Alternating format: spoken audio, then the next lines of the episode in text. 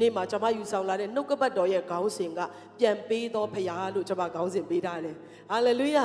ကျွန်မတို့ဖရားကပြန်ပေးနိုင်သောဖရားဖြစ်တယ်ပြန်လဲတီဆောက်နိုင်သောဘုရားဖြစ်တယ်။ပြန်လဲအသက်သွင်းနိုင်သောဘုရားဖြစ်တယ်။ပြန်လဲပြီးတော့မတ်တရက်စေနိုင်သောဘုရားဖြစ်တယ်။သင်ဆုံးရှုံးသမျှအရာအလုံးကိုပြန်လဲရိတ်သိမ်းစေနိုင်သောဘုရားဖြစ်တယ်။ဟာလေလုယာ။ သူကကျွန်တော်တို့ရဲ့အရာအလုံးရဲ့အရင်မြစ်ဖြစ်ပါတယ်လို့အဲကြောင့်နှုတ်ကပတ်တော်ရဲ့အခြေပြုကျမ်းလေးကိုကျွန်မဖတ်ပါမယ်။ယောလအနာဂတိကျမ်းအခန်းကြီး1အခန်းငယ်25 26ဖြစ်ပါတယ်။အယာဘကျိုင်းယာလက်ကျိုင်းခါတိလကျိုင်းကာဆန်ကျိုင်းတိဟုသောငါစေလွတ်သောငါ၏မဟာဘိုချေတို့ကိုကိုက်စားသောနှစ်ပေါင်းကာလငါပြန်ပေးမည်သင်တို့သည်ဝါစွာစားရကြလိမ့်မည် အံ့ဩကွယ်သောအမှုတို့ကိုသင်တို့၌ပြုသောသင်တို့၏ဖျားသခင်ထာဝရဘုရား၏နာမတော်ကိုချီးမွမ်းကြလိမ့်မည်နောက်တဖန်ငါ၏လူတို့သည်ရှက်ကြောက်ခြင်းမရှိရ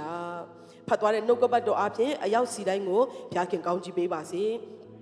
ကျိုင်းကောင်ဆိုတာကနော်အကောင်လေးကသေးတယ်ဒါပေမဲ့သူကစားပြီဆိုရင်အယိုးအရင်ပါမကြံเนาะပင်စီတိအကိုင်းခက်တွေအကုန်လုံးကိုကြိုက်စားတယ်အရွက်ပဲမစားဘူးเนาะ ဆိုတော့ကျမ်းစာကရှင်းလင်းစွာပြောထားတယ်။ကျိုင်းကောင်တွေကြိုက်စားသွားတော့နှစ်ပေါင်းကာလတဲ့နော်တရက်မဟုတ်ဘူးနှစ်ရက်မဟုတ်ဘူးနှစ်ပေါင်းကာလကိုငါပြန်ပေးမယ်တဲ့။အဲ့ခါမှာသင်တို့ဒီဝါစွာစားရမယ်။အံပွေသောအမှုတို့ကိုပြုတဲ့ဘုရားခင်ကိုချီးမွမ်းရမယ်လို့ဘုရားကပြောထားပါတယ်။ချက်ကြောက်ခြင်းလည်းမရှိရဘူး။သူရဲ့နှုတ်ကပတ်တော်အတွက်ဘုရားကိုကျေးဇူးတင်တယ်။ကျွန်တော်တို့ရဲ့အသက်တာမှာဆုံးရှုံးခြင်းတွေလူတိုင်းကြုံဘူးတယ်။နာကျင်ခြင်းတွေ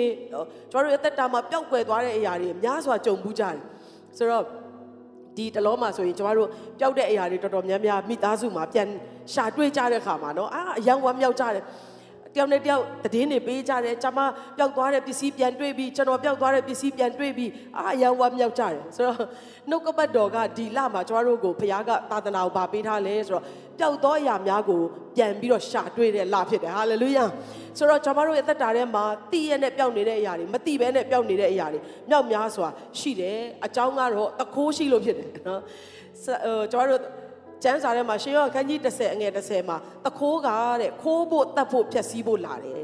ဆိုတော့ချောင်းမြောင်းနေတဲ့တခိုးကတော့လက်ရင်လက်တယ်လို့သူကအမြဲတမ်းခိုးတယ်တခါတလေမှာကျွန်တော်တို့ကခိုးသွားပြီဆိုတာသိတယ်တခါတလေကျတော့လည်းမသိတော့မှမသိလိုက်တဲ့အရာတွေရှိတယ်သို့တော်လည်းယေရှုကဘာပြောလဲဆိုတော့တခိုးကခိုးဖို့တတ်ဖို့ဖြက်စီးဖို့လာပေမဲ့တဲ့ငါကတော့ကြွယ်ဝသောအသက်ကိုပေးဖို့လာတာဖြစ်တယ်တဲ့ဟာလေလုယာ ထိုဘုရားကတင့်ကိုအသက်နဲ့လွတ်ယုံကလေးကဲတင်ယုံကလေးမဟုတ်ပဲတဲ့ထိုကဲတင်ခြင်းနဲ့အတူပြည့်စုံသောကြွယ်ဝသောအသက်ကိုပေးဖို့ကြွလာသောဘုရားဖြစ်ပါတယ်အဲဆိုရင်ကျမတို့တက်တာမှာဒီတခိုးကနော်တခိုးရှိတယ်လို့ကျမ်းစာကပြောတယ်ဆိုတော့နော်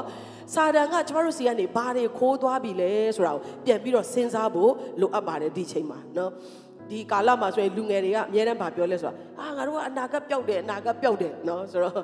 ပျောက်တဲ့အထဲမှာတော့ ဟိုအတိုးထွာလေးတွေပျောက်ရင်တော်သေးတယ်နော်အနာဂတ်ပျောက်တာတို့ကျမ်းမာခြင်းတွေပျောက်သွားတာတို့ဝမ်းမြောက်ခြင်းတွေပျောက်သွားတာတို့ကတအားဝမ်းနည်းစရာကောင်းတယ်နှမျောစရာလည်းကောင်းပါတယ်ဆိုတော့ပျောက်တော့အရာလို့ကျွန်တော်တို့ပြောတာ ਨੇ ရှင်လုကာခန်းကြီး15တဲကခရစ်တော်ပြောတဲ့ဥပမာကိုလူတိုင်းကတခါတည်းတန်းပြီးတော့တတိယကြမှာဖြစ်တယ်ယေရှုကဖာရိရှဲတွေကျမ်းတက်ပုဂ္ဂိုလ်တွေရဲ့ရှေ့မှာ तू ကဘာဥပမာကိုပြောလဲဆိုတော့ပျောက်တော့အရာ၃ခုအကြောင်းပြောတယ်เนาะကျွန်မအဲ့ဒါကိုအရန်အသေးစိတ်တော့မပြောတော့ဘူးသို့တော်လဲ ပထမအဆုံးပျောက်တာကသိုးဖြစ်တယ်နော်သိုးကအကောင်တရာရှိတယ်တဲ့အဲ့ထဲမှာ66ကောင်ရှိနေပေမဲ့တကောင်ပျောက်တဲ့ခါမှာသိုးထိန်ကမလုပ်လဲဆိုတော့အဲ့ဒီပျောက်သွားတဲ့သိုးရှိတဲ့တောထဲကိုလိုက်ရှာတယ်မတွေ့မချင်းရှာတယ်တဲ့တွေ့တဲ့ခါမှာအဲ့ဒီသိုးကိုရှောက်ရှောက်သွားတဲ့သိုးကိုနေပျောက်တာနဲတော့နဲသေးတယ်နောက်တစ်ခါဆိုနှုတ်ငါရိုက်ချိုးမယ်မပြောဘဲနဲ့နော်ချက်ချင်းပဲယူပြီးတော့သူ့ရဲ့ပခုံးပေါ်မှာထမ်းပြီးတော့အိမ်ကိုပြန်ခေါ်လာတယ်တဲ့ နောက်တစ်ခါအမျိုးသမီးတယောက်ကသူ့ရဲ့ဒင်းကားပြားပျောက်တယ်တဲ့နော်ဒင်းကားပြား10ပြားရှိတဲ့ထဲမှာတပြားပျောက်တယ်ဆိုတော့ငွေတင်းကားပြားတပြားပျောက်တာကအခုကာလမှာကျွန်တော်တို့ဒီတိုင်းပဲစဉ်းစားမယ်ဆိုရင်တော့အရန်ကြီးတိတ်ပြီးတော့နှမျောစရာမကောင်းဘူးလို့ထင်ရပေမဲ့သူတို့ရဲ့ထုံးစံရဒါဒီငွေတင်းကားပြား10ပြားပါတော့ဆွဲကြိုးကိုအမျိုးသမီးတွေကဆွဲထားရတယ်အိမ်ထောင်ပြုတ်တဲ့အမျိုးသမီးတွေကဒါဒီအခုခေတ်ကာလနဲ့ပြောမယ်ဆိုရင်ကျွန်တော်တို့ရဲ့လက်ထက်လက်စွပ်လိုမျိုးဖြစ်တယ် ဒါက10ခုကစုံနေရတယ်နော်အဲ့ထဲမှာတပြားပြောက်သွားတဲ့ခါမှာ तू ဘာလုပ်လဲတပြက်စီးတွေလဲတယ်အိမ်တစ်ခုလုံးကိုလိုက်ပြီးတော့စေးစေးရှာတယ်တဲ့ဘယ်လောက်ထိရှာလဲဆိုတော့မတွေ့မချင်းရှာတယ်လို့ကျမ်းစာကပြောတယ်နော်ဆိုတော့ဒီနေ့ကျွန်တော်တို့ရဲ့အသက်တာစဉ်းစားကြည့်ရင်တိုးကလည်းနော်လမ်းမသိဘူးတွားရင်တွားရင်နဲ့ပျောက်သွားတယ်ပြန်မလာတတ်ဘူး ငွေတင်းကားပြဆိုတာကလည်းနော်အာကျမဒီမှာကြာနေတယ်လို့អော်ပြီးတော့ပြောတတ်တဲ့အမျိုးအစားမဟုတ်ဘူး။ तू က तू ပျောက်တဲ့နေရာမှာရှိတဲ့နေရာမှာ तू ကရှိနေတာလိုက်ရှာရတာနော်ဆိုတော့ခရစ်တော်ကကျမတို့ကိုလိုက်ရှာတော့ဖရားဖြစ်တယ်ဟာလေလုယာအဲ့ဒီကာအဲ့ဒီအချိန်မှာယေရှုအဲ့ဒီစကားကိုပြောနေတဲ့အချိန်မှာ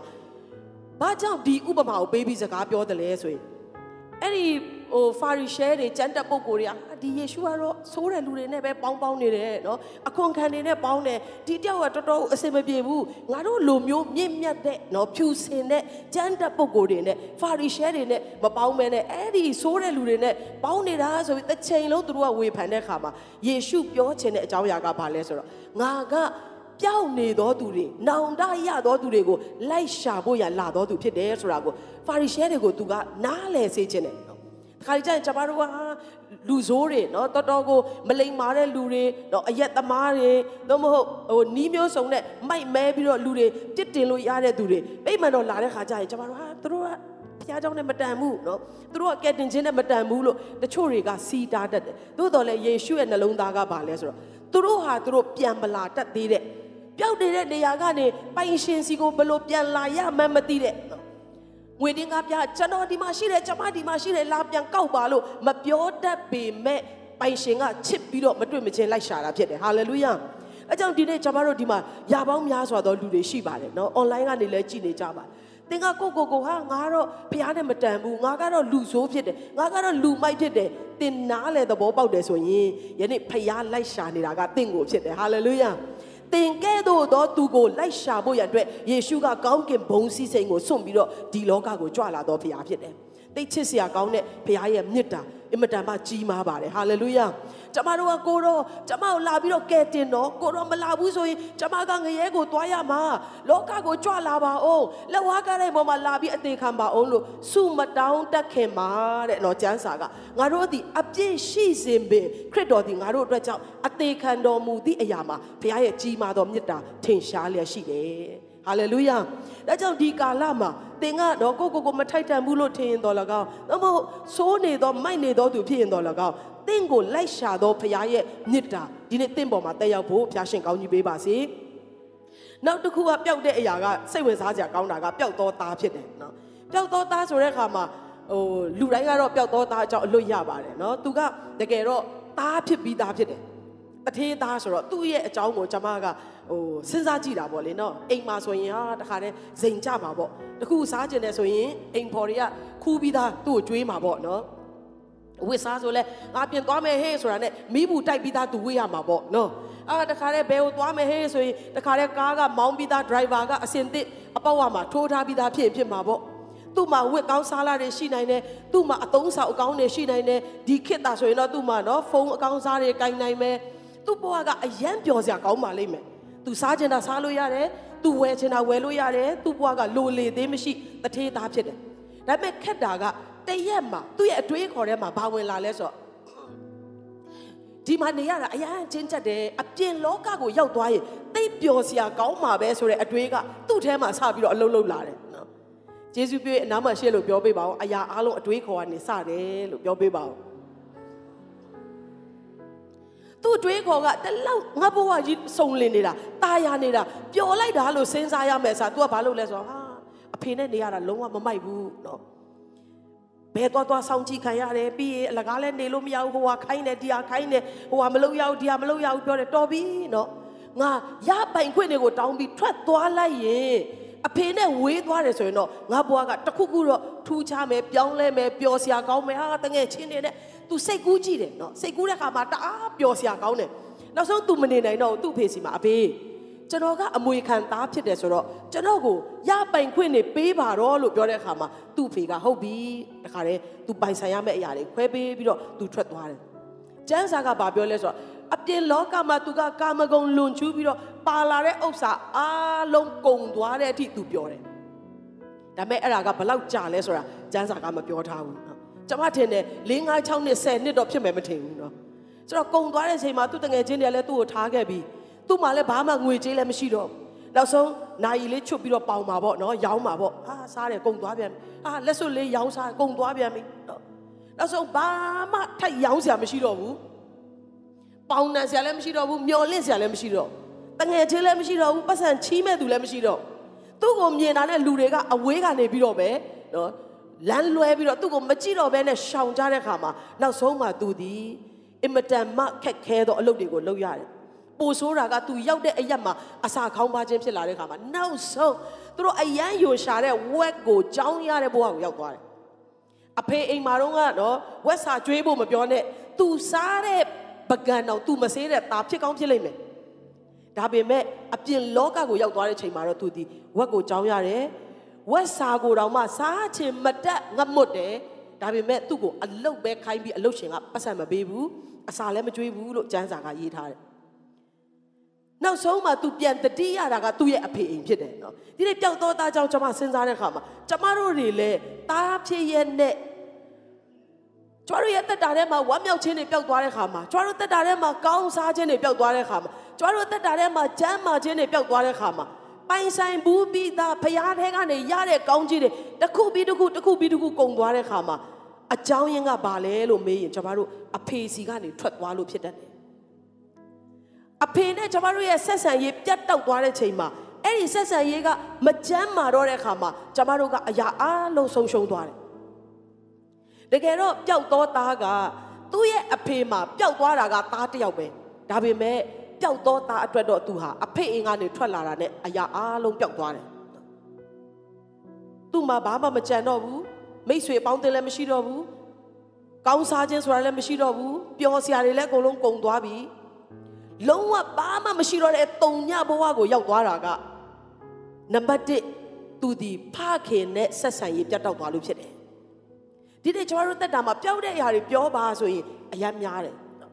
တခါတလေညမှာကျွန်တော်တို့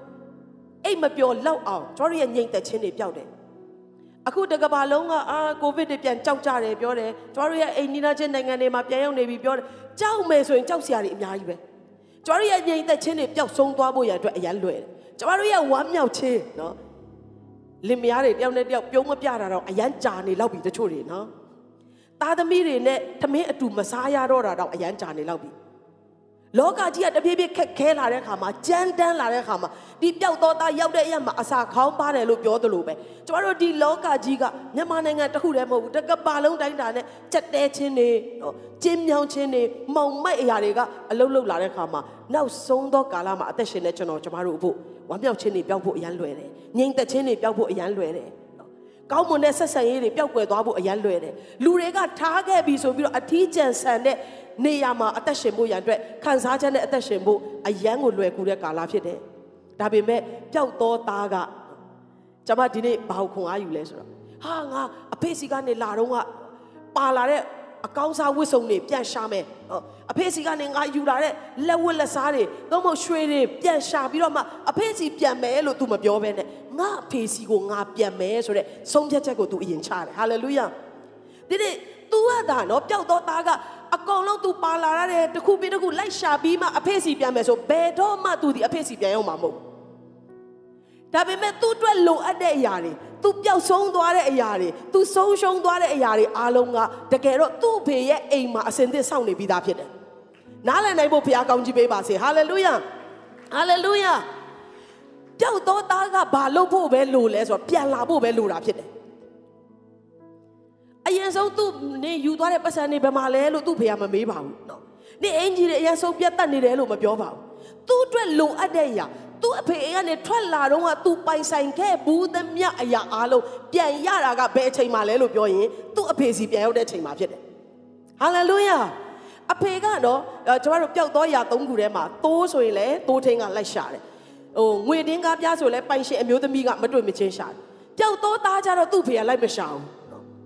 အဖေကဟိုမြို့သွားလိုက်ဒီမြို့သွားလိုက်လိုက်ရှာတယ်ဆိုတာမရှိဘူးဘာကြောင့်လဲဆိုသူကအဖေကိုတိတော်သားဖြစ်တယ်အိမ်ကိုတိတော်သားဖြစ်တယ်ပြန်လာနိုင်တော်သားဖြစ်တယ်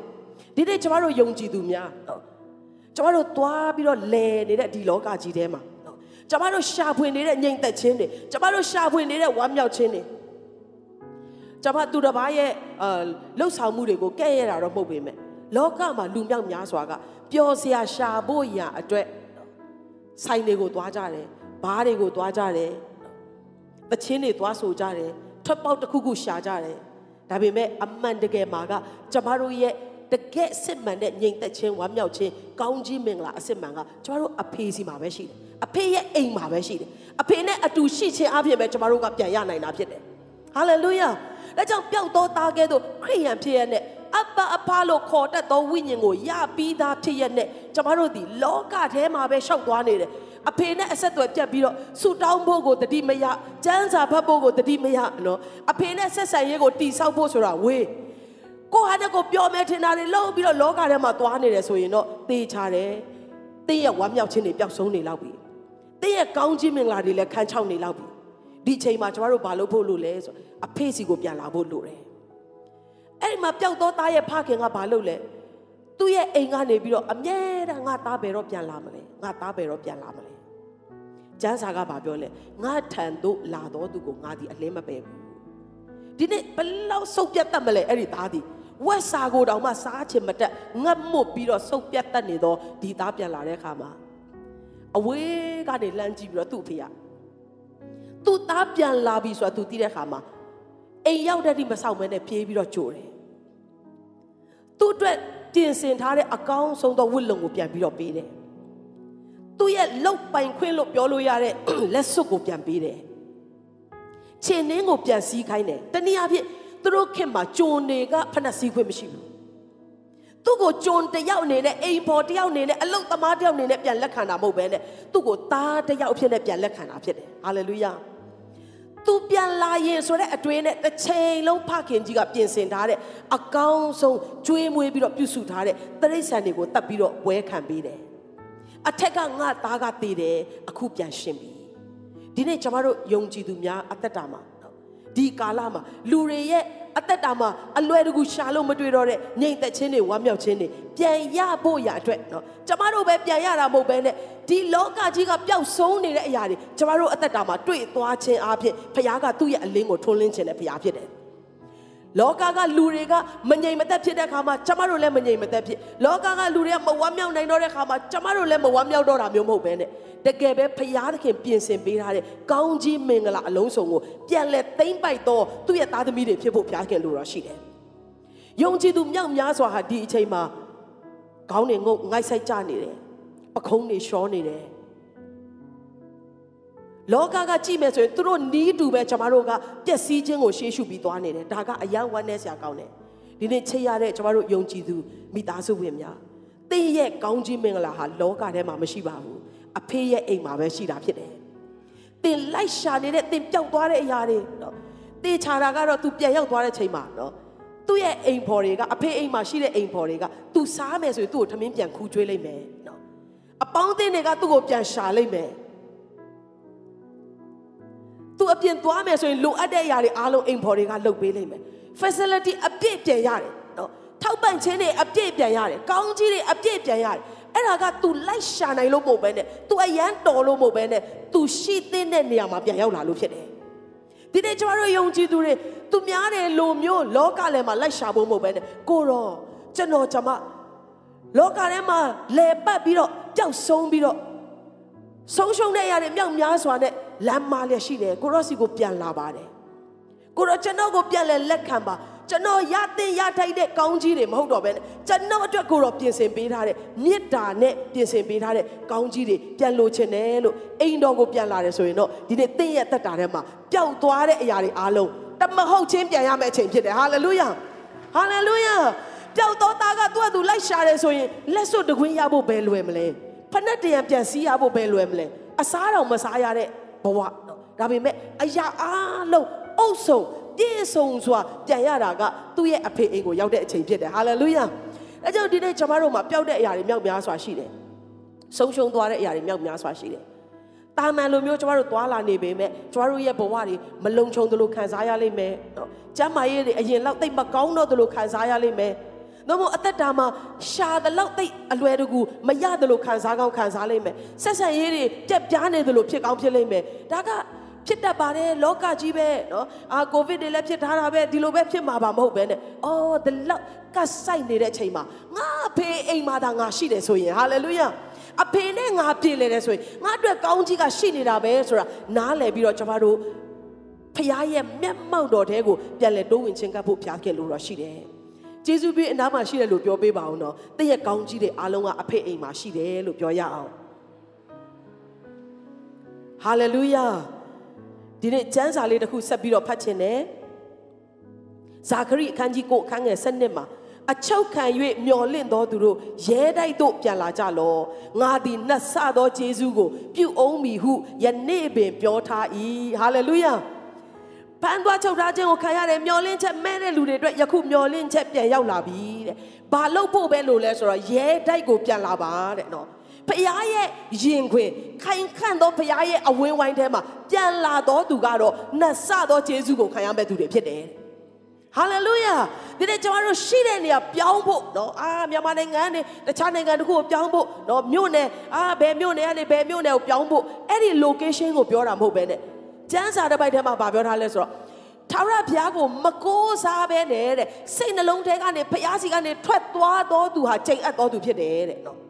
ဒီနေ့ကျွန်တော်တို့ဘုရားစီကနေထွက်သွားတာကလူကဗိမာန်တော်ထဲမှာရှိနေတော်လဲလူကခရိယန်ဘာလို့မှတ်ပုံတင်ထဲမှာရေးထားတော်လဲသင်ရဲ့အတွင်းနှလုံးသားထဲမှာဘုရားစီကနေထွက်သွားတော့ပျောက်တော့တာကဲ့သို့ဖြစ်တယ်ဆိုရင်တော့သင်ချတဲ့သင်ဟာဆုံးရှုံးလိမ့်မယ်ဘာလို့လဲလောကထဲမှာကောင်းစားခြင်းမရှိဘူး ဖခင်ရဲ့အဝင်းဝိုင်းရဲ့ပြင်ပမှာလုံခြုံခြင်းမရှိဘူးတိုးတက်ခြင်းမရှိဘူးကြီးထွားခြင်းမရှိဘူးဒါကြောင့်ကျမတို့ဘာလို့ရမလဲဆိုထိုရဲတိုက်ဒီဟူသောထိုမျက်မှောက်တော်ဒီဟူသောကျမတို့ရဲ့အဖရှိတဲ့ကျမတို့ကိုတစ်ချိန်လုံးစောင့်ကြိုနေတဲ့ကိုတော်ဖခင်စီကိုပြန်လာရမယ်ဘာအဖြစ်ပြန်လာရမလဲဆိုတော့စိတ်နှလုံးထဲကနေပြန်လာရမယ်ကိုတော့လောကထဲမှာကျွန်တော်ကိုမရှိစေပဲကိုတော့အထဲမှာပဲဆွဲခေါ်ပါ ဆာလန်ဆရာကဘာပြောလဲဝိညာဉ်တော်ဟာငါ့ကိုတရားလမ်းထဲကိုအမြဲတမ်းသွေးဆောင်တယ်ဟာလေလုယာမိုးလင်းလာတဲ့အခါမှာသင်ကဟာငါစီးပွားရှာရအောင်မယ်နော်အာငါကြောင်းတက်ရအောင်မယ်အာငါသင်တန်းသွားရအောင်မယ်ငါစားဝင်နေရအတွက်လုပ်ရအောင်မယ်လှုပ်စေရအငန်းတာတွေအများစွာရှိတဲ့အရာကိုသင်ဘာကိုအခြေပြုပြီးတော့လှုပ်ဆောင်တယ်လဲကိုရောဒီနေ့တရက်အသက်ရှင်စေတဲ့အတွက်ယေရှုတင်နေ လို့ရအောင်မဲ့အလုပ်တွေအားလုံးကိုတော့ဖျားတိုင်းအနန္နဲ့ဒီနေ့စီးပွားရေးအတွက်သွားတဲ့ခါမှာမျက်နှာသာရစေပါသားသမီးတွေကြောင်းတက်တဲ့ခါမှာကိုတော့အတူပါရှိပြီးတော့တင်သမျှအားလုံးရစေပါလမ်းခီးမှာကိုတော့ခွဲကားပါဒါကဘာကိုပုံဆောင်လဲဆိုတော့တင်းဒီဖျားအထဲကနေလုံနေတာဖြစ်တယ်တင်းလှုပ်တဲ့အလုပ်တွေပြောင်းပြလိုက်ဖို့ပြောတာမဟုတ်ဘူးအားလုံးကကျမ်းစာကြောင်းတွေတက်ပြီးအမှုဆောင်ဖို့ပြောတာမဟုတ်သို့တော်လဲကျမတို့ရဲ့နှလုံးသားထဲမှာဖျားစီကနေထွက်သွားတော့သူမဖြစ်ဖို့အရန်ရေးကြီးပါတယ်ဟာလေလုယာ ဖျားစီကနေမထွက်သွားဘူးဆိုရင်ဖျားရဲ့မျက်မှောက်တော်ထဲမှာသင်ရှိတယ်ဆိုရင်တော့သင်ရှိသောအရက်ကကောင်းစားခြင်းနဲ့ပြည့်သောအရက်ဖြစ်တယ်သင်စိတ်ပူစရာမလိုပဲနဲ့သင်ရဲ့အဖကမိုးလင်းလာတဲ့ခါမှာသင်အတွက်လုံလောက်သောကောင်းကြီးနဲ့စောင့်နေတဲ့ဖရားဖြစ်တယ်။သင်ကိုလောက်ပိုင်ခွင့်ပေးတော်ဖရားဖြစ်တယ်။သင်ကိုကြုံခဲ့သောမဆက်ဆံပဲနဲ့သူ့ရဲ့ခြေနှင်းကိုစီးစေတော်ဖရားဖြစ်တယ်။လက်ခုပ်တီးလက်ထိုးဖရားကိုချီးမွမ်းကြရအောင်။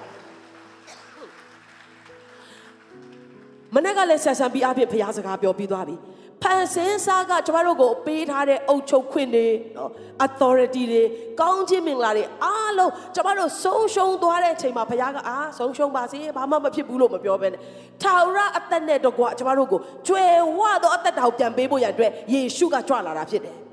ယေရှုကဘာပြောလဲငါဟာကောင်းသောတိုးထိန်ဖြစ်တယ်တဲ့ကောင်းသောတိုးထိန်ကတိုးတွေအတွက်အသက်ကိုစွန့်တော်သူဖြစ်တယ် ဟာလေလုယာဒီနေ့သင်ဟာပိုင်ရှင်မဲ့သောသူနော်လမ်းပေါ်မှာပျောက်နေတဲ့သူမဟုတ်တော့ဘဲနဲ့ယေရှုခရစ်ကိုတော်တိုင်ကသူ့ရဲ့အသက်ကိုစွန့်ပြီးတော့ပြန်လဲရွေးဝယ်ခြင်းကိုခံရတဲ့သိုးထင်းကြီးယေရှုရဲ့သိုးများဖြစ်ကြတယ်ဟာလေလုယာအထံတော်၌ကျက်စားသောသိုးစုများဖြစ်ကြတယ်ဒါကြောင့်ထာဝရဘုရားငါရဲ့သိုးထင်းဖြစ်တယ်လို့ဝန်ခံသောဆာလန်ဆရာကပြောလဲငါဒီလိုအပ်တာတခုမှမရှိရဘူး ဘယ်အချိန်မှလဲတိုးထိန်ဖြစ်တဲ့ခရစ်တော်နဲ့တူကျမတို့ရှိနေတဲ့အချိန်မှာตาရသောမျက်နာကိုသူကပို့ဆောင်တယ်စိန်လန်းသောကြက်စားရရမှာကျမတို့ကိုနားနေစေတဲ့ဘုရားဖြစ်တယ်ဟာလေလုယာဒါကြောင့်သင်ရှိတဲ့နေရာကိုမကြာခဏဆန်းစစ်ဖို့လိုအပ်ပါတယ်ရန်ကုန်မြို့မှာရှိနေသလားနော်အာနိုင်ငံခြားရောက်သွားပြီလားနေမှာလားအရေးကြီးဆုံးမဟုတ်ပဲသင်ရဲ့စိတ်နှလုံးသားသည် ဖះမပါတော့ဘဲနဲ့တင်တရက်ကြော်လွန်တယ်ဖះမပါတော့ဘဲနဲ့တင်စီးပွားရေးလုပ်တယ်ဖះမပါတော့ဘဲနဲ့တင်မိသားစုကိုဦးဆောင်နေတယ်ဆိုရင်အဲ့ဒါကတိတ်ဝမ်းနဲ့ဆရာကောင်းတယ်၆တွေ့ချင်းအပေါင်းเนาะကျမ်းစာကဘာပြောလဲစိတ်နှလုံးထဲကနေထာဝရဘုရားထံတော်မှာထွက်သွားတော်သူဟာချိန်အပ်တော်သူဖြစ်တယ်ထိုသူသည်အဘယ်သူမျှမနေတဲ့စားမြေမှာတွေးချောက်သောအရက်မှာပေါက်တဲ့တစ်ပင်၆ကဲ့သို့ဖြစ်မယ်တဲ့ ဒီနေ့စိတ်နှလုံးထဲကနေကျမတို့ဖះကိုထားခဲ့ပြီးတော့ထွက်သွားပြီးတော့စိတ်ကြိုက်လုပ်လို့မရဘူးပျောက်သောသားရဲ့ပြဿနာကလောဘကြီးခြင်းလည်းအရင်ဆုံးမဟုတ်သေးဘူးเนาะအစားကောင်းတောက်ကောင်းနေစားချင်တာတငယ်ချင်းတွေနဲ့ပျော်ပါချင်တာလည်းအရင်ဆုံးမဟုတ်သေးဘူး အဖေရဲ့အဝင်ဝိုင်းကနေထွက်သွားခြင်းကသူ့ရဲ့ပြဿနာရဲ့အစားဖြစ်တယ်ဆုံးရှုံးခြင်းအလုံးရဲ့အစားဖြစ်တယ် ဒါကြောင့်ဒီနေ့အကယ်၍တစုံတယောက်သောသူကစိတ်နှလုံးထဲကနေဖျားတော်မှတတိမရတော့ဘဲနဲ့ကိုဟာနဲ့ကိုကိုစိတ်ကြိုက်နော်ကိုဝါသနာပါရကိုကောင်းမဲ့ထင်တာတွေရှောက်လုံနေမိပြီဆိုရင်ဒီနေ့နှုတ်ကပတ်တော်ကအချိန်မီတင့်ကိုစကားပြောပါစေတင်လိုက်ရှာနေသောຢာတွေကရှာလေဝေးလေဖြစ်တယ်တောက်လေတောက်လေကျွန်တော်တို့ငတ်လို့မပြေဘူးပို့ပို့ပြီးတော့ဘဝကိုနစ်မြုပ်စေသောအရာတွေထဲမှာတင်ရောက်သွားနိုင်တယ် အဖကတော့စောင့်နေတယ်ငါသားဘယ်တော့ပြန်လာမလဲ तू ပြန်လာရင်ငါသူ့အတွက်အောင်ပွဲခံမယ် तू ပြန်လာရင်ငါအရာအားလုံးကိုအသက်ကနေပြန်စမယ်သူကငါပေးစရာကောင်းကြီးတွေအပြည့်ရှိတယ်ကျမတို့ရဲ့အဖရဲ့မေတ္တာကကြီးမားလွန်တယ်ဟာလေလုယာဟာလေလုယာကျမတို့ရဲ့အသက်တာမှာနှက်ဆသောကောင်းကြီးနဲ့ငါပြန်ပေးပါမယ်ဂျေဇုပြုပါမယ်ရဲတိုက်စီကိုပြန်လာပါငါစီကိုနော်ခိုင်ခန့်သောခိုးလုံးရရဲတိုက်စီကိုပြန်လာပါလို့ကြိုဆိုသောအဖကကျမတို့ကိုးကွယ်သောဖခင်ဖြစ်တယ်ဟာလေလုယာ ဟာလေလုယာယောဘကနော်ဒုက္ခပေါင်းမြောက်များစွာခံရတယ်ကျမတို့သာဆိုရင်ညီးလို့ကုန်မှာမဟုတ်ဘူးနော်အနာတစ်ခုပေါက်ရင်တော့မှာဘုရားခင်ဒီကျွန်တော်ကြမှာကြမှာကြမှာဘာလို့ပုတ်တယ်လဲနော်စီပွားရေးနဲ့နဲ့ဆုံးရှုံးရင်အာကိုတော့ကျွန်တော်တို့မိသားစုကြမှာဘာလို့လို့မအောင်မြင်ဘူးကိုတော့နော်နော်ကျမတို့ကယောဘကသူ့ရဲ့သားသမီး10ယောက်လုံးတစ်ပြိုင်တည်းတည်းသေးတယ်သူပိုင်ဆိုင်တဲ့အရာတွေအားလုံးကုန်သွားတယ်သူ့ရဲ့သိုးနွားတွေနော်သူ့ရဲ့တရိษံတွေအကုန်လုံးကုန်သွားပြီကျုံနေကျုံမတွေအားလုံးသေသွားပြီဘာ မှမရှိတော့ဘူးနောက်ဆုံးမှာခန္ဓာကိုယ်မှာပင်လေအနစိမ့်တွေပေါက်ပြီးတော့အိုးချမ်းကွဲလေးနဲ့ချစ်ပြီးတော့ခွေးတွေကသူ့ရဲ့အနာကိုရက်နေရတယ်သူမိမကနင်ကိုးကွယ်တဲ့ဖရားကိုချိန်ဆပြီးနင်သေလိုက်တာပဲပိုကောင်းတယ်နင်ဘဝမှာမင်္ဂလာတစ်ခုမှမရှိတော့ဘူးယောဘကဘာပြောလဲငါမွေးတော့ငါဘာမှမပါပဲမွေးလာတာငါဖရားကိုချိန်ဆစရာအကြောင်းမရှိဘူးဟာလေလုယာ အဆိုးဝါးဆုံးသောအခြေအနေမှာသူဒီစိတ်နှလုံးထဲမှာတောင်မှဘုရားကိုမပြစ်မှားတဲ့အခါမှာနှဆသောကောင်းကြီးနဲ့သူ့ဘဝဇက်လန်းသိမ်းရတယ်ဟာလေလုယာဟာလေလုယာအရေးကြီးတာကကျွန်မတို့နဲ့ဘုရားရဲ့ဆက်ဆံရေးဖြစ်တယ်ဒီနေ့တစ်ချိန်လုံး complain တက်တဲ့ဖွဲ့တွေတစ်ချိန်လုံးညှဉ်းညူတဲ့ဖွဲ့တွေတစ်ချိန်လုံးကျွန်မတို့တော့ဘုရားကိုထားခဲ့ပြီးထွက်သွားဖို့အချိန်ချင်းစ조사တော်သူဖြစ်တယ်ဆိုရင်ဒီနေ့ဗိမာန်တော်ကိုလာပါလို့မပြောလို့ပါဘူး အာအတင်းတော်မှာတစ်ချိန်လုံးတပတ်မှာ9ရက်လာနေပါလို့မပြောပါဘူးဒါပေမဲ့စိတ်နှလုံးထဲမှာတော့ဖျားစီကိုပြန်သွားတော့အသက်တာဖြစ်ရအောင်ကိုတော့ကျွန်တော်ရှာနေတဲ့အရာတွေကျွန်မရှာနေတဲ့အရာတွေရှာလေဝေးလေဖြစ်တယ်ကိုတော့စီကိုပြန်လာပါတယ်ကျွန်တော်ကအပအဖလို့ခေါ်တတ်သောဝိညာဉ်ကိုရရတဲ့နဲ့အဖေရှိရဲ့အသားနဲ့အဖေအိမ်ရှိရဲ့အသားနဲ့ဘာကြောင့်ကျွန်တော်ဒီနေရာမှာလမ်းပြောင်းနေရမှာလဲဘာကြောင့်ကျွန်တော်ကဝက်ကြောင်းပြီးတော့ပဲဘဝကိုကုံဆုံးစေရမှာလဲငါမှအဖေရှိတယ်ဟာလေလုယာ ထိုအဖေစီကိုပြန်လာတော့ပျောက်သောသားကတော့ပျောက်သောနေ့ရက်တွေကိုဒုက္ခဆင်းရဲခံရတဲ့နေ့ရက်တွေကိုမေ့ပျောက်လောက်တဲ့အထိသူ့ရဲ့တက်တာပြန်လဲကောင်းစားတယ်။ဒါပေမဲ့ကျမ်းစာထဲမှာမရေးထားတော့လေကျွန်မစဉ်းစားမိတဲ့အရာတစ်ခုကဘာလဲဆိုတော့အဖေစီကိုပြန်မရောက်ခင်သူမတည်သွားတာဂျေဇုတော်ဖြစ်တယ်။ဒီနေ့ကျွန်တော်တို့နေ့ရက်တွေခုနကညီမလေးပြောသွားတယ်နော်လက်လင်ထားကြီးပြောသွားတယ်အယက်မှန်တယ်။ ကျွန်မအဖေအများနဲ့ပြောတယ်ကွေးတော့လဲမဆန့်ခင်ဆန့်တော့လဲမကွေးခင်လူရဲ့အသက်တာဟာအခိုးငွေလိုပဲပျောက်သွားတတ်တယ်ပျောက်သောသားကပြန်လာတယ်အဖေကအာကောင်းမွန်စွာကြိုဆိုတယ်ဒီဇလန်ကိုကျမတို့ကောင်းကောင်းသိတယ်ဒါပေမဲ့အဲ့ဒီသားသာအိမ်ပြန်မရောက်ခဲ့ရင်အဲ့ဒီသားကနောင်တမရခင်မှာအဖေကိုပြန်ပြီးတော့တတိမရခင်မှာများလူဖြစ်တဲ့အတွက်တည်သွားခဲ့သည်ရှိတော့သူ့ရဲ့ဘဝအဆုံးကဘယ်လိုဖြစ်မလဲဒီနေ့ကျမတို့နေ့တိုင်းဖះစီကိုပြန်လာတော့တက်တာဖြစ်ရအောင် ကျမတို့လှုပ်ရမယ့်လောကတော့ဆုံးရှုံးသွားတာတွေလိုက်ရှာဖို့မဟုတ်ဘူးငါဂုံတိတ်ခါတွေဆုံးရှုံးသွားတယ်ငါပြန်ရှာမယ်ငါငွေကြေးတွေဆုံးရှုံးသွားတယ်ငါပြန်ရှာမယ်မဟုတ်သေးပဲနဲ့နော်ဘာမှမရှာခင်မှာဖခင်ကိုရှာရအောင်ဟာလေလုယာလောကထဲမှာပျောက်သောຢာတွေကိုလိုက်ရှာတော့တတ်တာမဟုတ်တော့ဘဲနဲ့ဖျားစီကိုပြန်လာတယ်ဆိုရင်တော့တင်ပျောက်တဲ့အရာထက်တာ၍ကောင်းသောအရာနဲ့စောင့်နေတဲ့အဖကတင့်ကိုကြိုဆိုနေတာဖြစ်တယ်ဟာလေလုယာအာရမရဲ့လက်ခုပ်တီးလက်ထိုးအဖရဲ့မြတ်တာကိုချီးမွမ်းကြရအောင် ဒါဝိကတခါမှနော်စစ်တိုက်ဖို့သွားတယ်သူ့ရဲ့စစ်သားတွေနဲ့သွားနေတဲ့ချိန်မှာဖြစ်ချင်တော့အိုးသူတို့ကအပြင်ထွက်နေတယ်မြို့ထဲမှာကမိန်းမနဲ့ကလေးတွေနဲ့ပဲကြံခဲ့တဲ့ချိန်မှာရန်သူကနောက်ကနေဝင်ပြီးတော့မိန်းမတွေကလေးတွေပိုင်ဆိုင်တဲ့ဟာအားလုံးသူတို့ကတိမ့်သွားတယ်လာတော့ငိုကြတယ်ဟာမိမပါသွားပြီဒါဝိလည်းသူမိမနဲ့ယောက်စလုံးပါသွားတယ်အာပိုင်ဆိုင်မှုတွေကုန်ကုန်သွားပြီငိုကြတယ်ယောက်ျားမတန်မဲ့နဲ့သူတို့ရဲ့ငိုတဲ့ဟာတခြားမြို့ကနေကြားလောက်တဲ့ဒီသူတို့အကြီးအကျယ်ဝမ်းနေပြီးငိုကြတယ် ကျန်တဲ့လူတွေကဒီကောင်းဆောင်မကောင်းလို့ဆိုပြီးတော့ဒါဝိကိုတခါတည်းတော့ဂဲနဲ့ပေါက်တက်ဖို့တောင်စဉ်းစားကြဒါပေမဲ့ဒါဝိကဘာလို့လဲကိုတော့ကျွန်တော်အရန်အရာအလုံးပါသွားပြီတားနာခြင်းနဲ့ဆုံးရှုံးတယ်မကျွန်တော်ဘာလုပ်ရမလဲကိုတော့တဲ့ဒီနေ့ကျွန်တော်တို့ဆုံးရှုံးခြင်းအလယ်မှာဒီတိုင်းပဲနေဖို့ဘုရားလိုမရှိဘူးတင်းမှာပျောက်သွားတဲ့ຢာတွေစာရန်ခိုးသွားတဲ့ຢာတွေတဲ့ထိုင်ပြီးတော့ကိုတော့ကျွန်တော်တို့မိသားစုကလေဒါပေမဲ့ဒါဝိဒ်ကဘာလို့လဲကိုတော့အကုန်လုံးတော့ရန်သူတွေတိမ့်သွားပြီ ကျွန်တော်လိုက်ရင်မိမလားတဲ့နော်ပြန်လိုက်ဖို့ရအတွက်ဖះကိုမေးတဲ့အခါမှာဖះကလိုက်ပါတဲ့ဆက်ဆက်မိလိုက်မယ်ဒါနဲ့သူကခဲနဲ့ပေါက်ဖို့စဉ်းစားနေတဲ့နော်နာကျင်ချင်းဝမ်းနဲ့ချင်းကြောင့်တုံ့ပြန်မှုကမတူဘူးနော်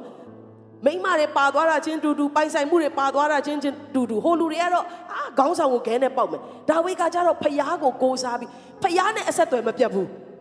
ဖះကို तू မေးလိုက်တဲ့အခါမှာဖះကလိုက်ပါမိမယ်ဆိုတော့ तू လိုက်သွားတယ် ကျမ်းစာထဲမှာဘာပြောလဲဆိုတော့ तू ဆုံးရှုံးသမျှရအားလုံးတစ်ခုမကြံအကုန်လုံးပြန်ရတယ်ဟာလေလုယာကျမတို့ဖះကပြန်ပေးနိုင်တော့ဖះဖြစ်ပါတယ်ဟာလေလုယာဟာလေလုယာဒါကြောင့်ပြန်ပေးနိုင်တော့ဖះစီမှာကျမတို့ချင်းကပ်ဖို့ရန်အတွက်ဒါအရေးကြီးပါတယ်ကျမ်းစာလေးတစ်ခုကိုထပ်ပြီးတော့ဖတ်ချင်ပါတယ်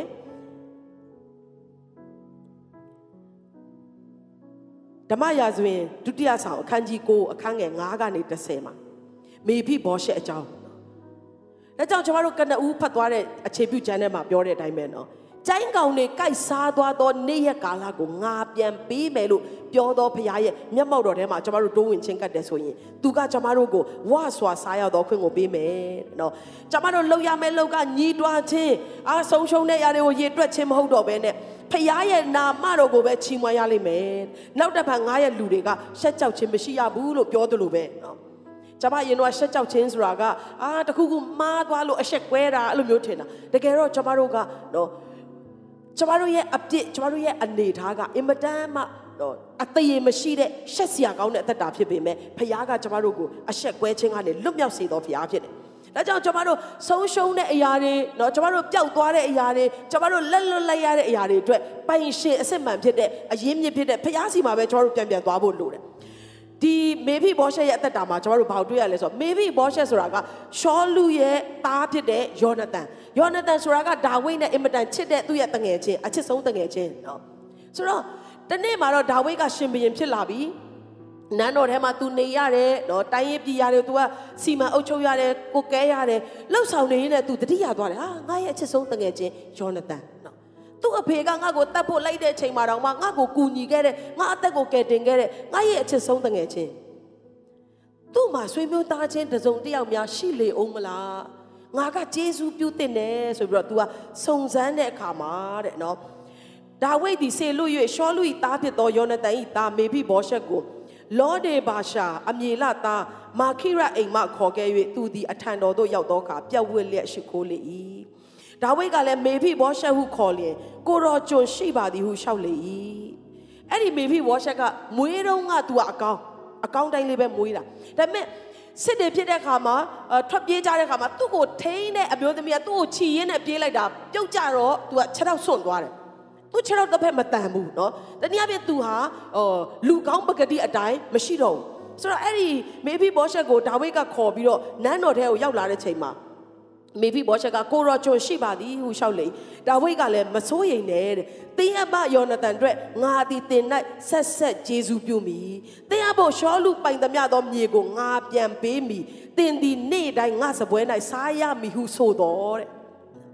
ဒီနေ့မေဘီဘောရှက်ကလူနေနဲ့ကြည့်လို့ရှိရင် तू ကရက်ွက်ထဲမှာတကောင်ကြွက်လို့ဖြစ်လိမ့်မယ် तू အမျိုးတွေမရှိတော့ဘူးเนาะ ရှောလူနဲ့ပတ်သက်တဲ့ယောနသန်နဲ့ပတ်သက်တဲ့အမျိုးတွေလိုက်ရှာတဲ့အခါမှာသူတယောက်ကိုပဲတွေ့တယ်ဆိုတော့သူဟာတကောင်ကြွက်ကဲ့သို့ဖြစ်ကောင်းဖြစ်လိမ့်မယ်လူတွေကသူ့ကိုကြည့်ရင်တာမန်လူလိုဆက်ဆံလိမ့်မယ်တာမန်လူထက်ပိုဆိုးတာကသူဒီခြေထောက်တောင်မှမတန်သောပုံကိုတယောက်ဖြစ်တယ်လူတွေကအဲဟိုမှာထော်ကြိုးလာပြီစသဖြင့်နော်လူဆိုတာကဟိုမြင်တာတဲ့အရာတစ်ခုကိုလက်ညှိုးထိုးပြီးပြောဖို့အရက်လွယ်တယ်ဆိုတော့သူ့အနေနဲ့တအားနာကျင်ရမှာပဲနော်ဟိုမှာလူစင်မမီတဲ့ကောင်လာပြီဟိုမှာတကောင်ကြွက်လာပြီလူတွေကသူ့ကိုအဖက်မလုပ်တဲ့နေ့ရက်တွေကိုသူကြော်ဖြတ်ရလိမ့်မယ် သို့တော်လဲတစ်ချိန်မှာတော့ဟာလေလုယာဒါဝိတ်ကပြန်ပြီးတော့ခေါ်ပြီးတော့သူ့ကိုဗာပြောလဲမင်းရဲ့အဖိုးရှောလူပိုင်တဲ့အရာတွေအားလုံးမင်းကငါပြန်ပေးမယ်ဒါက तू ရုပ်ရည်အရန်ချောလို့မဟုတ်ဘူးခန္ဓာကိုယ်အရန်ကိုတန်မာထွားချိုင်းလို့မဟုတ်ဘူးစိတ်အတက်တွေအရန်ကျွမ်းကျင်လို့မဟုတ်ဘူးသူ့ရဲ့အဖိုးကြောင့်ဖြစ်တယ်သူ့ရဲ့မျိုးရိုးကြောင့်ဖြစ်တယ်သူ့ရဲ့ဖြစ်တည်မှုကြောင့်ဖြစ်တယ်ဟာလေလုယာ ဟာလေလုယာဒီနေ့ဒီနှုတ်ကပတ်တော်ကိုကျွန်မဆင်ခြင်နေတဲ့အချိန်မှာတချို့သောသူတွေအတွက်သင်ဟာရှုံချစေရအမင်္ဂလာအသက်တာနဲ့နေ့တိုင်းခွေးသေးကောင်ကဲ့သို့အသက်ရှင်တော်သူဖြစ်ကောင်းဖြစ်လိမ့်မယ်သို့တော်လည်းယနေ့သင်ချိန်ရောက်လာပြီဖြစ်တယ်ဟာလေလုယာ ဟာလေလုယာသူကလုံးဝမမျော်လင့်တော့ဟာငါအတွက်တော့ကောင်းစားခြင်းဆိုတာမရှိတော့ဘူးအရင်တုန်းကတော့အဖိုးတွေလက်ထက်တုန်းကတော့တိတ်ပျော်စရာကောင်းခဲ့မှာပဲအာငါအဖေယောနဲ့တန်တို့ခေတ်တုန်းကတော့တိတ်ပျော်စရာကောင်းခဲ့မှာပဲအခုတော့ငါကတော့တာမန်လူတယောက်အနေနဲ့ရှုံးနေစွာဆုံးရှုံးခြင်းအပေါင်းနဲ့ငါအသက်ရှင်ရတယ်ငါဘွားကအဲ့လိုပြုတ်မကြခဲ့ရင်ဟာအဲ့ဒီအတော်ကြီးပေါ့ငါ့ကိုသေချာမချီခဲ့လို့အခုငါလူကောင်းတဲ့အသက်ရှင်လို့မရဘူးအာသူညှိတွားစရာတွေအများကြီးနဲ့နေ့ရက်တွေကိုကြော်ဖြတ်ရလိမ့်မယ်ဒါပေမဲ့ဒါဝိဒ်ကပြန်ခေါ်တယ် တင်းအဖိုးရှောလူပိုင်သမျှသောမြေကိုငါပြန်ပေးမိတင်းဒီနေ့တိုင်းငါစပွဲ၌စားရမည်ဟုဆိုတော့ဟာလေလုယာဟာလေလုယာသူရဲ့ဖြစ်တည်မှုအမှန်မှာသူပြန်ရောက်သွားတဲ့ချိန်မှာလေသူခြေရောက်စွန့်နေတော်လဲနော်သူဒီတကောင်ကြွက်ဖြစ်တော်လဲသူဆုံးရှုံးခဲ့တဲ့အရာတွေအားလုံးတပြိုင်နက်တည်းတစ်ချိန်တည်းမှာပြန်ရောက်လာတယ် တချို့သောသူတွေတင်းဘဝမှာဆုံးရှုံးတဲ့ຢာတွေပြန်ရဖို့နေ့တည်းအကြာကြီးဆောင်းရလိမ့်မယ်ငါသားသမီးတွေလက်ထက်ကြမှာပြန်ပြီးတော့ဘုရားကောင်းကြီးပေးမယ်ထင်တယ်လို့စဉ်းစားတဲ့အဖွဲ့တွေဒီနေ့ယေရှုနာမ၌ဝင်ခံခြင်းညာပေးခြင်းနဲ့ယခုပင်ဟာလေလုယာဟာလေလုယာတစ်ချိန်တည်းမှာဘုရားကအရာအလုံးကိုပြောင်းလဲပြစ်လိုက်တာနော်မင်းရဲ့ဖိုးပိုင်ဆိုင်များအားလုံးပေးမယ်တဲ့ အဲ့လောက်မကောက်နေ့တိုင်းရှင်မင်းရဲ့စပွဲမှာစားရမယ်လို့ပြောတဲ့အခါမှာမေဖိဘောရှက်ကကျွန်တော်ကဲ့သို့သောခွေးသေးကောင်ကိုကြည့်ရှုဖို့ရအတွက်ကိုရောကျွန်ဟာအဘယ်သို့သောသူဖြစ်ပါသနည်းဆိုပြီးတော့ဒါဝိရဲ့ရှေ့မှာသူကဥချပြီးတော့ပြန်လျှောက်တယ်ကျွန်တော်ကခွေးသေးကောင်လို့ပဲကျွန်တော်ကဘာမှကောင်းစားခြင်းနဲ့မထိုက်တန်တော်သူဖြစ်တယ်ဒါပေမဲ့သူကထိုက်တန်တော်ရာတစ်ခုတစ်ခုတော့ရှိတယ်သူကရှောလူရဲ့မြေးဖြစ်တယ်သူကယောနသန်ရဲ့သားဖြစ်တယ်ဟာလေလုယာ ဒီနေ့ကျွန်တော်တို့လောကကနေကြည့်ရင်တော့ကောင်းစားစရာအကြောင်းမရှိဘူးကျွန်တော်တို့အရေးချင်းကထော်ကြိုးဖြစ်ကောင်းဖြစ်လိမ့်မယ်ကျွန်တော်တို့ရဲ့အစွမ်းတက်တိတွေကလူစင်မမိတော့သူဖြစ်ကောင်းဖြစ်လိမ့်မယ်သို့တော်လည်းဖျားသားဖြစ်တဲ့အတွက်ဟာလေလုယာဟာလေလုယာဖျားသားဖြစ်တဲ့အတွက်သင်ဟာရှင်ဘရင်နဲ့စပွဲမှာစားခွင့်ရှိတော်သူဖြစ်တယ်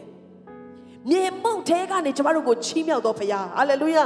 ရှင်ဘရင်တို့နဲ့အတူစားပွဲမှာထိုင်ရတော်ခွင့်ကိုပေးတော်ဖခင်နာမတာ၍ဘုန်းကြီးပါစေ။ သူကကျွန်တော်ကခွေးသေးကောင်လို့ပဲကျွန်တော်ကိုကြည့်ဖို့ရအတွက်ကျွန်တော်ကဘာမှမဟုတ်ဘူးထိုအခါရှင်ဘရင်သည်ရှောလူဤကျွန်ဇိဘကိုခေါ်၍ရှောလူနှင့်သူ၏အဆွေမျိုးများပိုင်ထိုက်သမျှတို့ကိုတင်းသခင်ဤသားအားငါပေးပြီးတင်းသည်တင်းဤသားကျွန်တို့နှင့်တကွလဲလို့၍တင်းသခင်ဤသားစားစရာဖို့အသီးနှံကိုသွင်းရမည်ယောနသန်ကိုယောမင်းဖိုးပိုင်သမျှမြေတွေအားလုံးပြန်ပေးတယ်လှုပ်စားဆိုရင်တော့မှသူ့ရဲ့အစွမ်းတတ္တိနဲ့သူလှုပ်စားနိုင်မှာမဟုတ် ဒါပေမဲ့ဖခင်ကောင်းကြီးပေးတဲ့အခါမှာစုံလင်သောကောင်းကြီးဖြစ်တယ်ဟာလေလုယာဟာလေလုယာအနာမှာရှေ့လို့ပြောပေးပါဦးဖခင်ကောင်းကြီးပေးပြီဆိုရင်စုံလင်သောကောင်းကြီးဖြစ်တယ်ဟိုအားလို့ဒီအားလို့မရှိဘူးဟာလေလုယာဟာလေလုယာသူ့ကိုပိုင်ဆိုင်သမျှအဖိုးပိုင်တဲ့အရာတွေအားလုံးပြန်ပေးတဲ့အပြင်သူ့ရဲ့အဖိုးရဲ့ဂျုံဖြစ်တဲ့ဇိဘကိုခေါ်ပြီးတော့ကဲဒီလေတွေအားလုံးကိုမင်းနဲ့မင်းရဲ့သားတွေဂျုံတွေကလှုပ်ပေးရမယ်တဲ့နော် မေဖိဘောရှက်ကိုဘာမှအနောက်ရှက်မပေးရဘူးတဲ့မေဖိဘောရှက်ကဘာပဲလုပ်ရမလဲဆိုတာနေ့တိုင်းရှင်ဘရင်ရဲ့စပွဲမှာထိုင်ပြီးတော့စားရမယ်အဲ့ဒီသူ့ဖိုးပိုင်နဲ့သူတို့ဆုံးရှုံးခဲ့တဲ့အရာတွေအားလုံးကိုနော်ရှင်ဘရင်ရှောလူဆိုတော့ပိုင်ဆိုင်မှုကတော့နဲမှာမဟုတ်ဘူးနော်တရက်ချင်းမှာလူတွေစွန့်ပစ်ချင်းခံရတဲ့လူစင်မမီတဲ့တကောင်ကျွက်မေဖိဘောရှက်ဟာအချမ်းသာဆုံးသောပုဂ္ဂိုလ်တစ်ယောက်ဖြစ်သွားတယ်ဇီဘနဲ့ဇီဘမားတဲ့တား 35ယောက်နဲ့ကျွန်20ရှိတယ်တဲ့နော်စုစုပေါင်း35ယောက်ဇီဘနဲ့ပေါင်း36ယောက်ဆိုတော့3ဒါဇင်နော်တခါတည်းသူ့ကိုလှုပ်ကြွေးပြုစုမဲ့သူတွေနဲ့ဖခင်ကတခါတည်းအုပ်ဆောင်ပေးလိုက်တာဟာလေလုယာဒီနေ့တည့်ရဲ့အသက်တာထဲမှာကောင်းကြီးခံစားတဲ့အခါမှာဖခင်ချီးမြှောက်တဲ့အခါမှာနော်ဝမ်းနဲ့ချင်းနဲ့မရောတဲ့တင့်ကိုရှုပ်ထွေးမှုကိုမပေးတဲ့ကောင်းကြီးတွေဖြစ်ဖို့ဖခင်ရှင်ကောင်းကြီးပေးပါစေလက်ခုပ်တီးလက်ကျွန်တော်တို့အပိုင်သိမ်းရအောင်ဟာလေလုယာ ဒီနေ့တခါတရံမှာကျွန်မတို့ကိုယ်တိုင်ပဲလေအာဘုရားခင်ဒီလိုကောင်းကြီးနော်ညိတ်သက်ခြင်းတွေပေးပါဝမ်းမြောက်ခြင်းတွေပေးပါကိုတော့ချီးမြောက်ပါလို့ဆုတောင်းတဲ့အခါမှာတခါတလေမှာစာတန်ကမင်းနဲ့မတန်ဘူးနော်မင်းရာတဲ့ပိုင်ခွင့်မဟုတ်ဘူးဒါပေမဲ့ကျမတို့ကကျမတို့တော်လို့ကျမတို့ပြည့်စုံနေလို့ကျမတို့ကျင့်နိုင်လို့ထိုရာတွေနဲ့ထိုက်တန်တာမဟုတ်ပဲနဲ့ဖရာသားဖြစ်လို့ဟာလေလုယာအမွေခံဖြစ်လို့ကျမတို့ကထိုရာတွေနဲ့ထိုက်တန်ရတော်သူဖြစ်ခွင့်ရတာဖြစ်တယ်ဒါကြောင့်ပျောက်သောသားကဲ့သို့ပဲကျမတို့ လောကထဲမှာသွားနေရင်တော့ဆုံးရှုံးလိမ့်မယ်အဖနဲ့ကင်းကွာသောအသက်တာဖြစ်တယ်ဆိုရင်တော့တင်ပိုင်ဆိုင်တဲ့အရာတွေတစ်ခုပြီးတစ်ခုတစ်ခုပြီးတစ်ခုတစ်ခုပြီးတစ်ခုခန်းချောက်သွားလိမ့်မယ်သို့တော်လည်းပျောက်သောသားရဲ့လှုပ်ဆောင်ရတဲ့အရာကပါလဲငါအဖစီကိုငါပြန်သွားမယ်နောက်ဆုံးငါမာယွင်ခဲ့တဲ့အရာတွေအတွက်ငါကိုကောင်းကောင်းမွန်မွန်မဆက်ဆံရင်တောင်မှတားလိုမျိုးမဆက်ဆံနဲ့တော့ကြုံလိုပဲဆက်ဆံပါလို့ငါပြောမယ်သူ့ရဲ့ခြေလမ်းပြန်ဆလာတယ် သူ့ရဲ့အဖေရဲ့အိမ်ကိုရောက်သွားတဲ့ခါမှာအဖေကျွန်တော်ကိုတားလို့တော့မှမခေါ်ခံထိုက်တော့ပါဘူးပြောမလို့ပဲရှိသေးတယ်သူ့ဖေကအပြောမခံဘူးသူ့ကိုအရင်နေရာမှာပြန်ပေးတော့ဖေဖြစ်တယ်ဟာလေလုယာတင်းရဲ့ရှိရင်မူရင်တင်းကိုဖန်ဆင်းစားကဖျားထားတဲ့ position မှာဖျားကတင်းကိုပြန်ထားချင်တာဖြစ်တယ်လောကလူသားတွေကိုဖျားဖန်ဆင်းတဲ့အခါမှာဆုံးရှုံးဖို့ပျက်စီးဖို့ လောကလည်းမှာမျက်နာငယ်ဖို့အရာအလုံးကိုလက်လွတ်ပြီးတော့အရှုံးသမားဖြစ်နေအသက်ရှင်ဖို့ဘုရားဖန်ဆင်းထားတာမဟုတ်ဘူးဘုရားခင်ဒီလူကိုဖန်ဆင်းတဲ့အခါမှာကောင်းကြီးပေးတော်ဘုရားဖြစ်တယ်နော်အချင်းတို့များပြားစွာမွေးဖွားပါမြေကြီးကိုနိုင်စေပါအုပ်ချုပ်ကြပါလို့ကောင်းကြီးပေးတဲ့ဘုရားဖြစ်တယ်ဒါကြောင့်ကျွန်မတို့ရဲ့ကောင်းကြီးအရင်မြစ်အားလုံးဆုံးရှုံးသမျှအရာအားလုံးပြန်ပေးနိုင်တာကထိုဘုရားပဲဖြစ်တဲ့အတွက်ဘုရားစီကိုပြန်သွားရအောင် တချို့သောသူတွေကတိုးကဲ့သို့တချို့သောသူတွေကငွေတင်းကားကဲ့သို့ကိုယ့်အကိုပျောက်မှန်းတော့မသိဘဲနဲ့ပျောက်နေတယ်။ကဲတင်ချင်းစိတ်ချမှုမရသေးဘူး။အဘအဖလို့ခေါ်တတ်တဲ့သူမဖြစ်သေးဘူးဆိုရင်ဒီနေ့ဖခင်ကတင်ရှိတဲ့နေရာထိလိုက်၍ရှာတော်ဖခင်ဖြစ်ပါတယ်။ဟာလေလုယာ။ငါသည်သိုးသောသူတို့ကိုရှာ၍ကဲတင်ဖို့ရန်ဒီလောကကိုကြွလာတယ်။လောကလူသားတွေကတော့တင့်ကိုဗိမာန်တော်နဲ့မထိုက်တန်ဘူးလို့ပြောလိမ့်မယ်။ခရိယန်လို့မခေါ်ခံထိုက်ဘူးလို့ပြောကောင်းပြောလိမ့်မယ်။ တလောက်ဆိုးတဲ့လူသူ့ထက်ဆိုးတဲ့လူလောကမှာရှိတော့မှာမဟုတ်ဘူးဒီတယောက်ကတော့တော့တလောကလုံးပြောင်းလဲရင်တော့မှဒီတယောက်တော့ဘယ်တော့မှပြောင်းလဲလာမှာမဟုတ်ဘူးလို့လူတွေသတ်မှတ်ကောင်းသတ်မှတ်လိမ့်မယ်သို့တော်လဲဒီကာလဟာဖခင်ကသူပြောင်းနေသောအရာများကိုမတွေ့မချင်းရှာသောကာလဖြစ်တယ်ဒီနေ့သင်ဗိမာန်တော်မှာရှိနေခြင်းဒီနှုတ်ကပတ်တော်ကိုကြားနေခြင်းဒီပင်လေဖခင်ကသင်ကိုလိုက်ရှာနေတယ်ဆိုတဲ့သက်သေဖြစ်ပါတယ်ကျမတို့ဘာပြန်လုပ်ဖို့လို့လဲ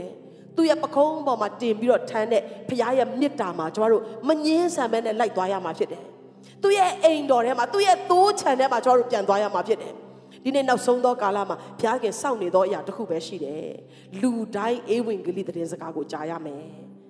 သူ့ရဲ့ဖန်ဆင်းထားတဲ့လူသားတွေကိုဒီတယောက်တော့အစင်မပြေဘူးဒီတယောက်တော့အယမ်းညံ့တယ်ခြံထားလိုက်မယ်လို့မပြောဘဲနဲ့လူတယောက်ကိုတောင်မှမပျက်စီးစေချင်တာကဘုရားရဲ့မေတ္တာဖြစ်တယ်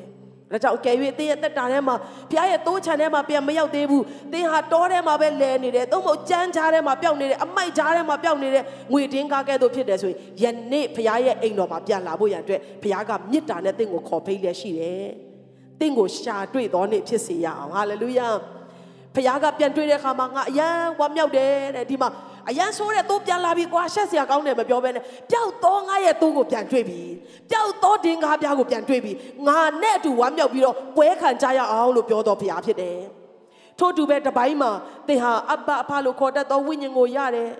ဖရားရဲ့အိမ်ကိုပြန်လာရမယ်ဆိုတာသိတယ်သင်ရဲ့အဖဘာတူလဲဆိုတာသိတယ်သို့တော်လဲတင်လိုအပ်တဲ့အရာတွေတိုင်းကိုလောကထဲမှာပဲရှာရင်းနဲ့ပျောက်နေတော်သူဖြစ်တယ်ဆိုရင် ဒီနေ့ထိုအရာတွေတစ်ခုချင်းစီလိုက်မကောက်ပဲနဲ့တစ်ခုချင်းစီလိုက်မရှာပဲနဲ့ဆုံလင်သောမေတ္တာဆုံလင်သောအဖရဲ့အိမ်တော်ကိုပြန်လာတော်နေ့ဖြစ်စေရအောင်နှုတ်ကပတ်တော်အဖျက်အရောက်စီတိုင်းကိုဖျားခင်ကောင်းချီးပေးပါစေ။